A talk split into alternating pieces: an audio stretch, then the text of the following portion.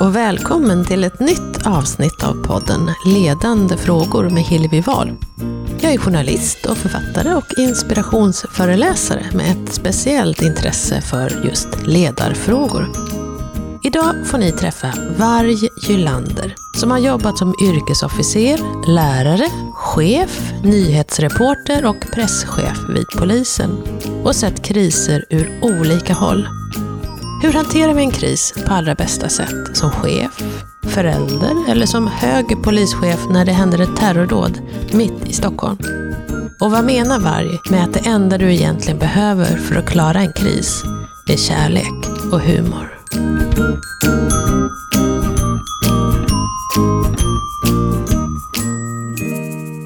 Vilken är din största kris? Och min egen, min privata kris? Ja. Ja, bortsett från alla skilsmässor möjligen som jag har gått igenom, eller alla ska jag inte säga, två stycken. Det är ju väldigt krisartat eh, på olika sätt. Mm. Eh, Men sen kan jag nog säga att eh, en, en, en väldigt långvarig kris som jag inte upptäckte förrän långt, långt senare, det var min storebror Per, lever inte längre, och han var med i en bilolycka för, för över 30 år sedan. Och sen dog han eh, 25-30 år senare, så han var, var väldigt, väldigt skadad. Och det där var sån här kris som jag levde med under decennier utan att förstå att det var en kris, skulle jag säga. Mhm. Men annars så drabbas man av småkriser varje Ja. dag, känns som. Men det där är de stora. Men det är ju intressant, för hur gör man med långvariga kriser då? För du har ju skrivit en bok som handlar mer om omedelbara kriser, Mm. tänker jag. Men långvariga kriser, hur hanterar man det? Mm. Jag brukar säga att, eh, att kriser, och det har ju tagit mig många, många år att inse. När jag, den bok jag har skrivit om kriser, den handlar inte så mycket om den personliga krisen, utan det är mer varumärken och företag och bostadsrättsföreningar eller vad som helst. Men, men trots det så har jag insett och lärt mig en sak. eh, eh, Det är att kris alltid är det- detsamma som rädsla. Och kan du koppla, om du, om du har en kris, då är det rädsla på något sätt. Och enkelt uttryckt kan man säga att hittar du inte rädslan, då har du förmodligen ingen kris. Nej. Och det är det som jag har utnyttjat i, i eh, min kris, när jag krishanterar på jobbet och eh, med enskilda personer och företag som jag jobbar en del med. Så, så gäller att identifiera rädslan. Vad är, vad är det som är rädslan här egentligen? Det kan ju vara olika för olika människor inom samma företag. Absolut, och det kan vara rädslan för varumärket eller prestigeförlust eller det kan vara att du blir av med jobbet. Det kan vara oändligt många olika saker, också subtilt. Men jag, jag har, har kommit på det att om det inte finns ett tillstymmelse av rädsla, då, då är det ingen kris helt enkelt. Vad är det då, då? Eller varför kallar folk det för kris om det inte... Jag tror att man slentrianmässigt kallar det mesta för kris. Eh, när man ser att någonting håller på att barka åt skogen så kan man kalla det en kris. Men rent formellt så är det ju så, eller eh, formellt vet jag inte, men det är så att om du, om du, om du kan hantera en händelse i den normala organisationen, ja då är det faktiskt ingen kris. All right. Men det är ju det är bra, då vet man det. Ja. Rädsla, oro, skräck, det är lite olika. Ångest kanske. Ja, absolut. Det är kopplat till rädsla. Och att, att, att du tappar i någon mån kontrollen över och får ta in hjälp eller hantera på ett, ett, ett icke-konventionellt sätt, då är det en kris. Annars är det inte det. Ehm, du har sagt så här, det enda du egentligen behöver för att klara en kris är kärlek och humor. Mm, just det, det är något tillspetsat kan man säga. Man kräver säk- säkert massa andra saker. Men jag tänker så här att om det, är, om det är som jag tror, rädsla, och du kan identifiera människorna i en kris och ta hand om dem eh, och ge dem det stöd som de behöver. Och så, så menar jag också kärleken liksom till sanningen, till varumärket, den där, liksom den där känslan för någonting kärleksfullt. Eh, och kan du identifiera det och rädslan och sen mitt i alltihop när du hanterar den här krisen också kan skratta åt det. För jag tror det mest nedbrytande i en kris det är när man blir ensam, man blir rädd, man blir sårad och ingen tar hand om det. Och man tillåts inte att skratta åt det. Men kan du göra det, trots att det är en kris, då lättar trycket och du kan hantera den på ett mycket, mycket bättre sätt. För det handlar om att skapa trygghet. Mm, alltid. För, det, för när du skriver om det i din bok så, så menar du också att man även ska behandla, om man nu sitter i en organisation och man blir utsatt för ett mediatryck, eh, då verkar ju nästan journalister vara fienden ibland. Men du menar att även där ska man visa kärlek på något sätt eh, och, och inför att förstå att journalisten också bara är en människa som försöker göra sitt jobb. Ja, det tycker jag är jätteviktigt. Mediadramaturgi och medialogik, det är ju en sak. Och jag tycker att det är viktigt att man förstår om man drabbas av ett mediedrev, som ju ofta ser när det gäller en offentlig kris. Det är att man måste förstå mekanismen. Och, och, och, att det faktiskt i den också finns människor som drivs av lite olika saker. Och jag har ju stor kärlek till journalistiken eftersom jag har ju varit journalist, det är ju länge sedan nu. Men jag förstår ju vad som driver journalistiken. Sen kan det se förfärligt ut utifrån och det kan se väldigt hårt ut. Men det finns en logik och en, en, en, vad ska man säga, en dramaturgi i det där som man måste förstå. Ska vi ta, eftersom det är så aktuellt nu med terrordådet eh, på Drottninggatan här den 7 april. Så är det ju, när jag läste din bok eh, så, så slog det mig, för jag läste den igen efter terrordådet, så slog det mig hur mycket kroppsspråk och sånt betyder. Speciellt om man tittar på den första presskonferensen med, eh, där Stefan Hector blev, eh, han är, ska vi säga här, eh, chef, nu ska säga, polisens nationella operativa avdelningschef. Mm. Ja. Mm. Eh, och han blev ju nästan en nationalhjälte mm. när han klev in där i sin liksom, stora kroppshydda, mm. polisuniform, satt rak i ryggen mm. och, eh, och, och, ingav trygghet. Mm. Eh, och det var inte förrän jag hade läst din bok som jag insåg hur mycket rätt han gjorde. För då såg man de här andra två, som jag inte ens kommer ihåg namnet på nu. Eh, därför att, för de var ju så i perfekt... Han satt och han levererade, eh, det här vet vi. Liksom, punkt efter punkt efter punkt. Och det här gör vi. Mm. Eh, och det här är vårt budskap till er. Att mm. ni ska leva era liv precis som vanligt. Medan de andra två, mer så här, rufsiga håret. Mm. Liksom, och någon hade, verkar ha slängt på någon en slips. Och, och, och tittade liksom flackande med blicken och kunde knappt svara på frågor. Det var de här klassiska, eh, inga kommentarer, eller det vet jag inte. Och om man hade tagit bort Stefan Hector där från den bilden så tänker jag att då hade inte nationen varit trygg. För de här två är säkert jättebra på sina jobb. Alltså det har jag ingen uppfattning om. De är säkert kanonbra på det de gör. Men de, alltså de ingav inte trygghet. Mm. Prata lite om ja, det. Ja, ja det så får jag tassa försiktigt, för jag känner ju allihop ja, ja. på den där scenen. Ja. Nu var jag då inte...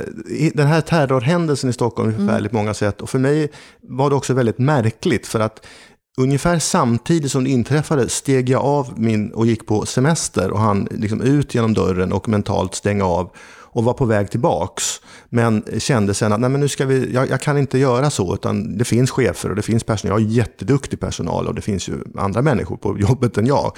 Så jag stod bredvid och tittade på när de drog igång det här och jag är djupt imponerad över det arbete de gjorde. Men mm. hur som helst, eh, du frågar om kroppsspråket och Stefan mm. Hector. Jo, jag mm. såg också Stefan Hector och under tiden han höll på så skickade jag ett sms till honom. Mm. Där jag skrev, fan, det här var bland det bästa jag sett. Aha. Eh, därför att han gjorde allt rätt. Men jag känner ju Stefan väldigt väl och vet att det här är Stefan Hector. Mm. Han, han är exakt den här personen. Det finns inget konstlat, övat, påhittat, utan det där är Stefan Hector och han är väldigt, väldigt duktig på det. Och Det är det som är poängen med när jag skriver i min bok om kroppsspråk, att småsaker kan du justera och du kan tänka på det, men, men det är så i, din, i dina gener, kroppsspråket, att du utstrålar trygghet och så. Att det går nästan inte att öva bort, eller öva till, eller man ska säga. Mm. Och de andra två, de gjorde nog vad de kunde, det är jag mm. säker på. Mm.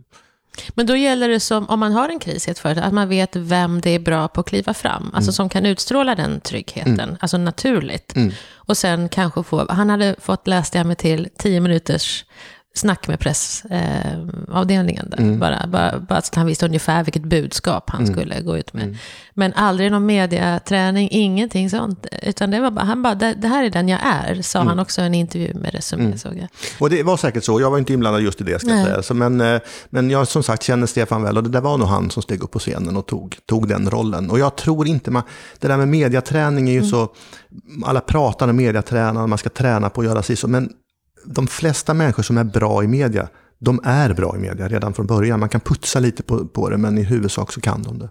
Och då tänker jag också att det kan vara en väldigt bra och trygg människa, men som i situationen blir nervös. Alltså därför att man tror att man ska behöva vara någon annan än den man är. Nu tänker jag också på ledare inom helt andra organisationer. Mm. Mm. Eh, och, och, mycket av det som jag märker nu när jag gör podden är att, att det handlar mycket om att bottna eh, bottna i det man gör. Alltså, mm. Jag gillar det här företaget, mm. jag vet vad de kan göra. Eller... Mm.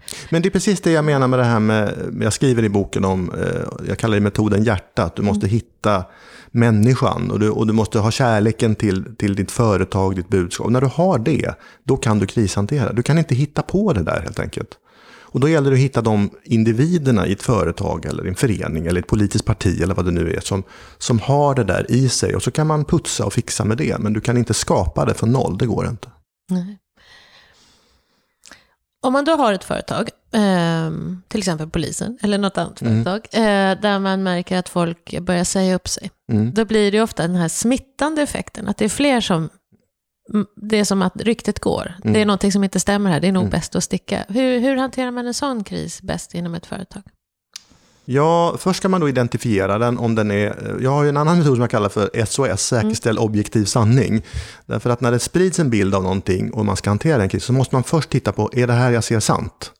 Eh, är det, eller är det en myt eller är det en påverkan utifrån? Är det en opinionsbildning någon annanstans ifrån? Men om det är så att, att folk flyr företaget, ja då måste du identifiera problemet naturligtvis.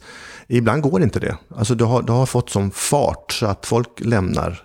Men vad man ser ofta, både i företag som har starka varumärken, som har starkt ledarskap, det är att många vänder tillbaks. Därför att man kan väl säga så här att man tror, alla vi tror ju att gräset är grönare på andra sidan. Och så ger man sig av, ibland i ilska, ibland för att man ska visa att man kan stå på egna ben, ibland att man tror så mycket på något annat. Och nu pratar inte jag om polisen, utan nu pratar jag generellt. Men när man kommer ut där i ensamheten, ja, många hittar ju sig själva där och tycker det är fantastiskt. Men många, många vänder tillbaks. Därför att det är någon slags trygghet, man älskar sitt varumärke och man får stå ut med att det kanske inte är perfekt alla gånger. Så att vad jag tror, när man ser en sån flykt, då måste du identifiera, är det sant? Och sen sätta in de åtgärder som krävs. Är det så att du har ett företag på fallrepet och folk flyr, ja då kanske det då kanske inte är så mycket att göra åt det helt enkelt, utan man får starta om från början.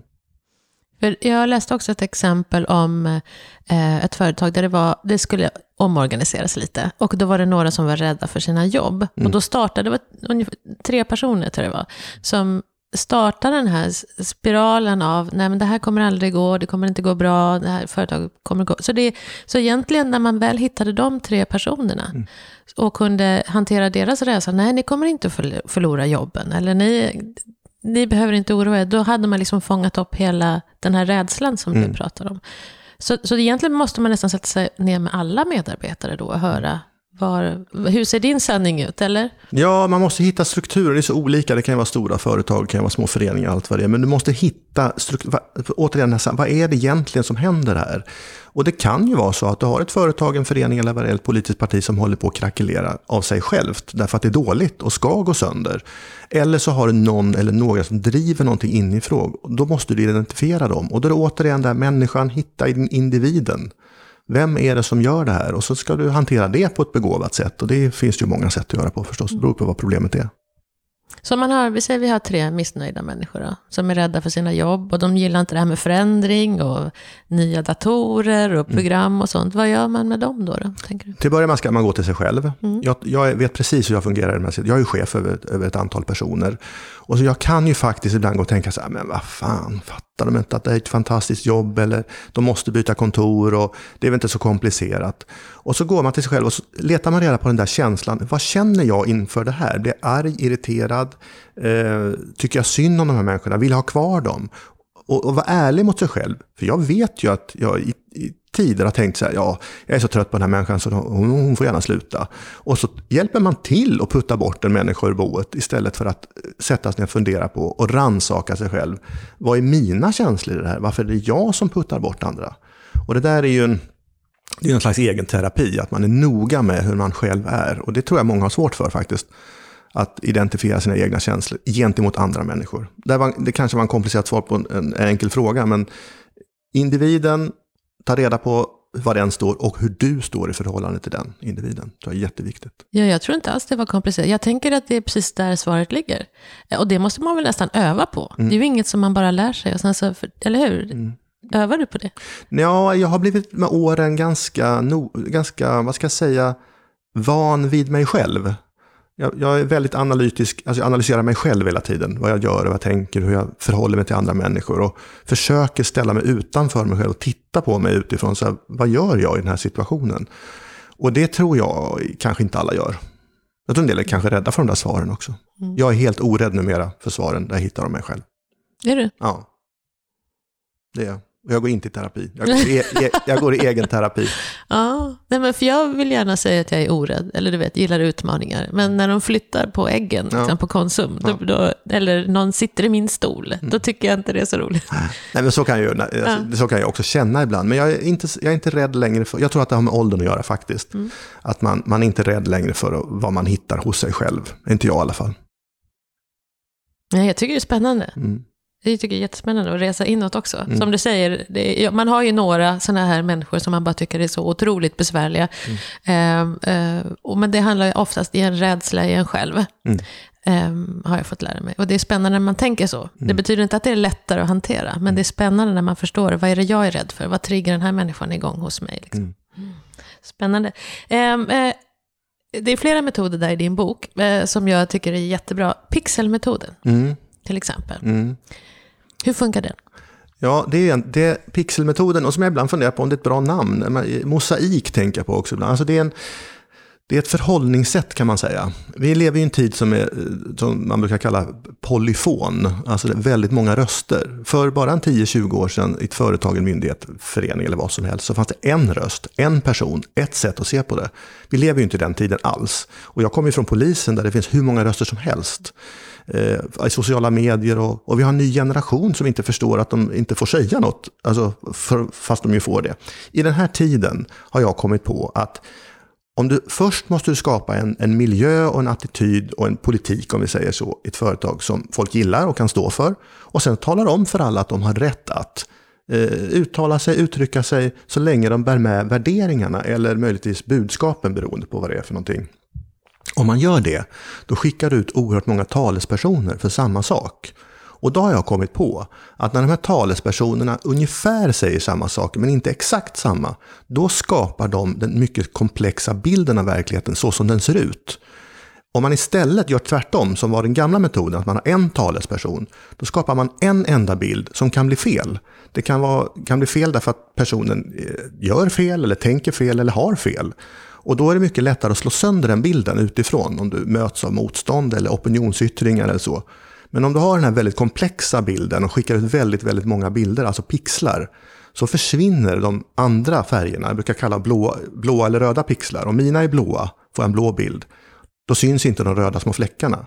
Men om jag har stora pixlar, alltså en talesperson eller två, då är det väldigt lätt att manövrera ut den. Och det där kan man ju tänka sig att, att det är svårt i verkligheten. Men jag har ju testat det i mitt jobb flera gånger. Där vi, eh, I polisen alltså, där, vi, där jag inom vissa kretsar har sagt att nu är alla talespersoner i den här frågan, men det här är våra budskap. Och det har visat sig oerhört effektfullt. Och inte bara det att man skapar en komplex och riktig bild. Man skapar en sammanhållen organisation där folk känner sig trygga med att de får och kan och ska säga vad de vill. Så att, eh, och det där har jag testat i stort och smått. Och det är det kan vara lite svårt att förklara det, men det är, det är enormt verkningsfullt. Mm. Jag tänker på, um, alltså om man, ett sånt här litet personligt exempel som jag verkligen kunde identifiera när, när jag läste det där var eh, när jag skulle ge ut min bok om att min familj hade missbrukare. Mm. Då ville jag inte bli känd som hon som var ett alkisbarn. Mm. Eh, men då insåg jag ganska snabbt att jag hade ju fram tills dess skapat så himla många andra bra bilder av mig själv. Mm. Alltså mm. där jag var en vettig människa. Mm. så, mm. Eh, så det blev bara en liten del till. Mm. Och samma sak var, för jag var rädd, vad får man säga om sina föräldrar? Till exempel min pappa som var så otroligt älskad också.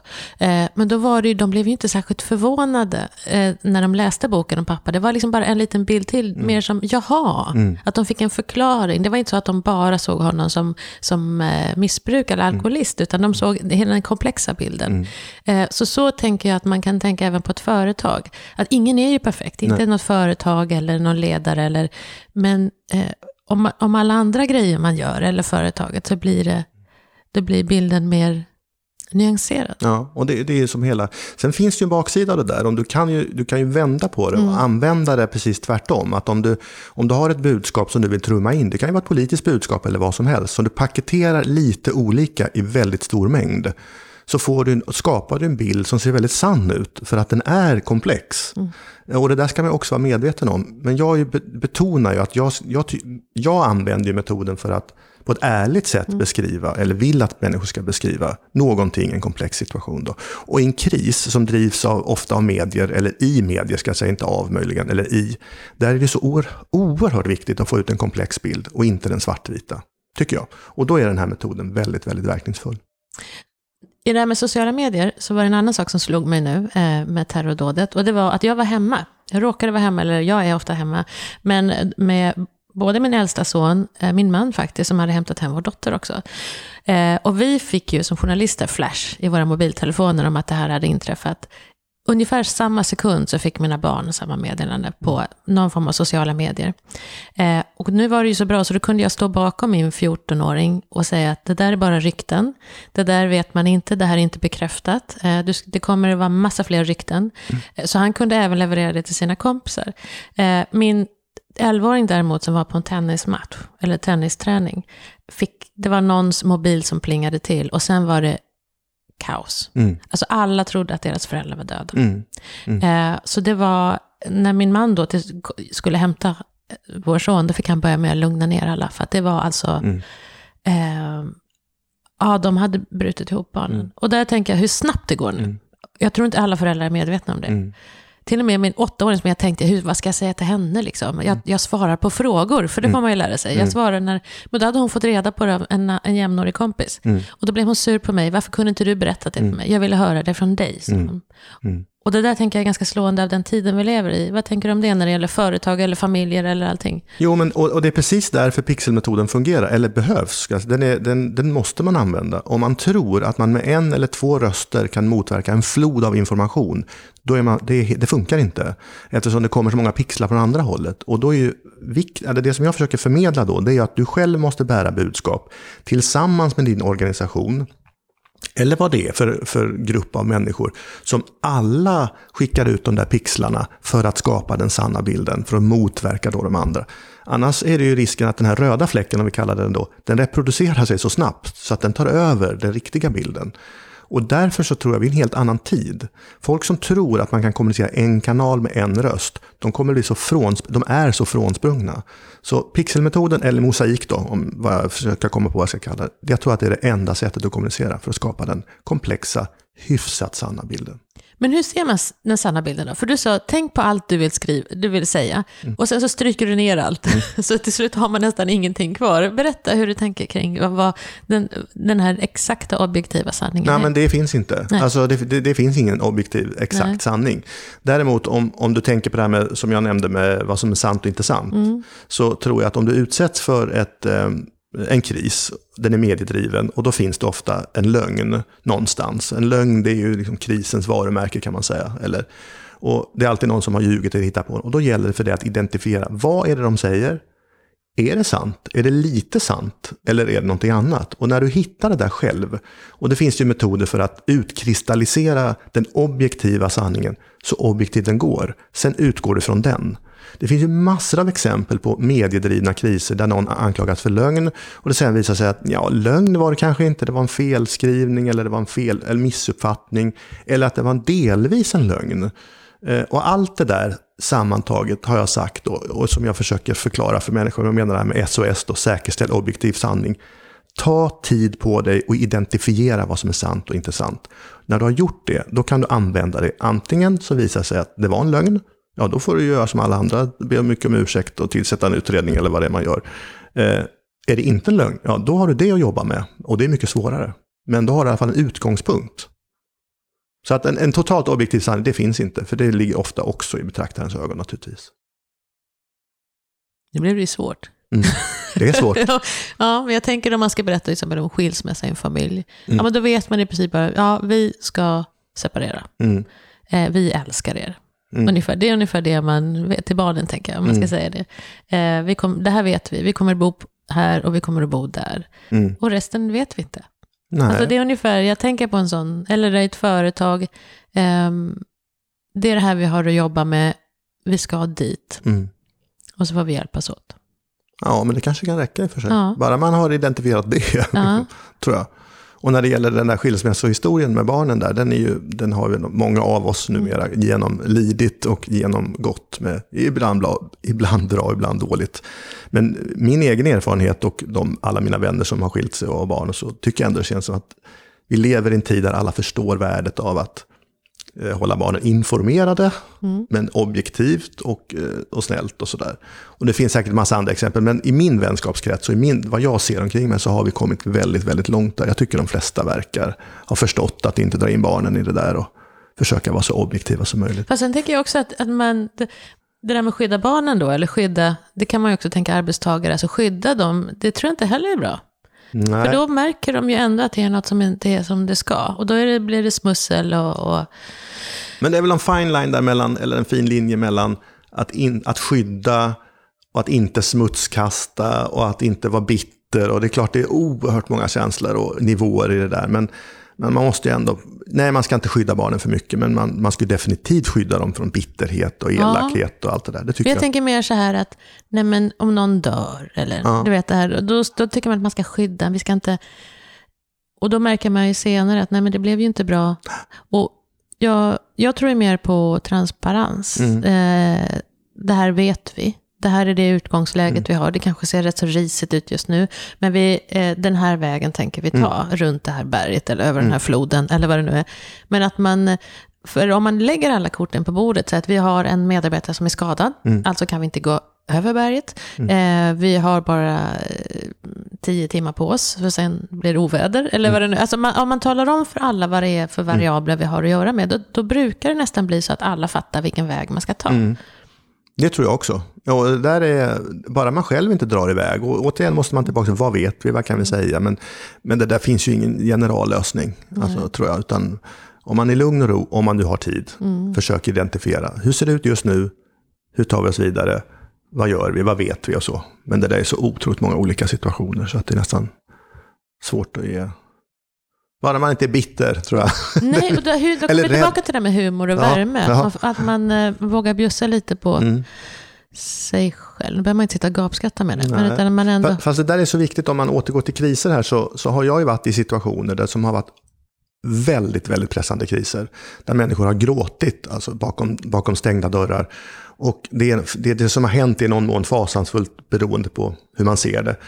Och så kan man ändå stänga en dörr och så är man tre, fyra stycken som är liksom i, i stormens absoluta centrum. Och så skrattar man åt alltihop. Och det är man glad att nästan ingen ser, eftersom det är så fasansfullt det som händer utanför.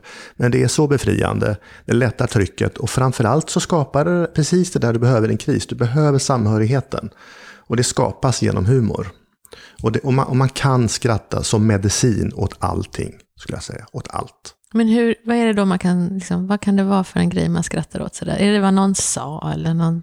Ja, eller ibland vet man inte vad man skrattar åt. Man är så stressad och så trasig i huvudet och har, har stått i en presskonferens och försökt förklara komplicerade saker och skyllt ifrån sig eller vad man nu har gjort. Och så kommer man in och så, och så skrattar man åt att det blir fel eller kom du ihåg vad hon sa? Eller nu sitter vi här fast vi inte hade tänkt här. Vi har planerat i åratal och ändå sitter vi här och sådär. Och så får man skratta åt det. Man får ta det som finns. Och det, det är mycket, när man är stressad så är det ganska lätt att skratta egentligen om man, bara, om man, om man, om man öppnar den där dörren.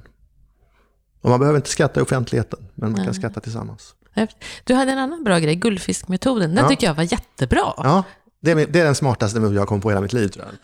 Alltså jag är ju, som, som, gammal journalist så vet ju jag, precis, gammal, ja det är jag också, men som för detta journalist menar jag naturligtvis, så vet ju jag att man behöver ställa den där om och om igen frågan för att få det där svaret som man behöver. För att, som man vet finns där och är sant och för att bekräfta sin tes eller vad det nu är. Och förr i världen, eller fortfarande kanske, så rekommenderas att man ska, man ska spika ett budskap och så ska man svara det om och om igen. Och det där skrattar folk ihjäl sig åt när man filmar det, för det är ju det, är det som folk kallar papegojmetoden och det är ju helt rubbat.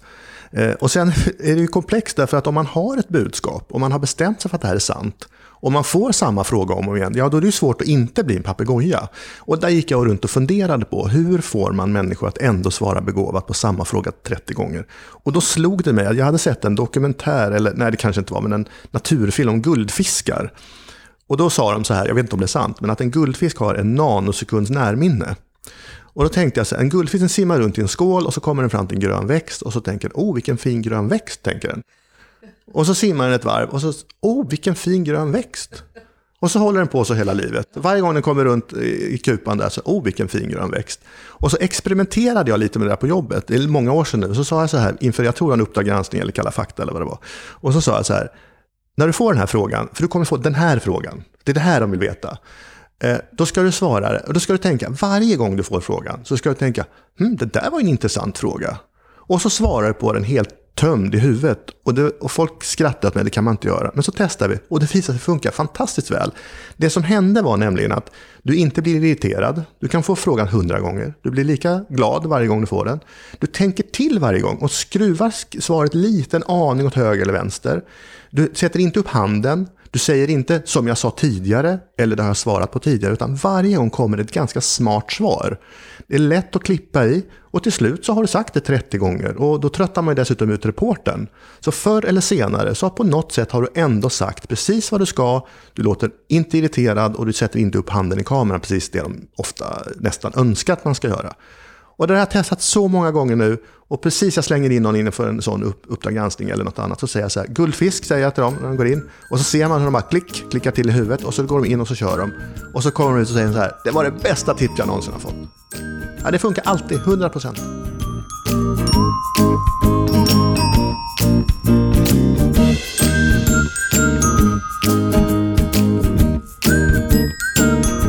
Läsa mer om Varg Gylanders smarta krishanterarmetoder så rekommenderar jag den högaktuella boken Kris. Sju metoder för att identifiera och hantera kriser i verkligheten. Nästa avsnitt kommer om en vecka. Lyssna gärna då. Och om ni gillade det här samtalet så blir jag jätteglad om ni delar vidare. Vill ni kontakta mig eller ha synpunkter så finns jag alltid på hillevi.hillevi.nu för att ni lyssnade.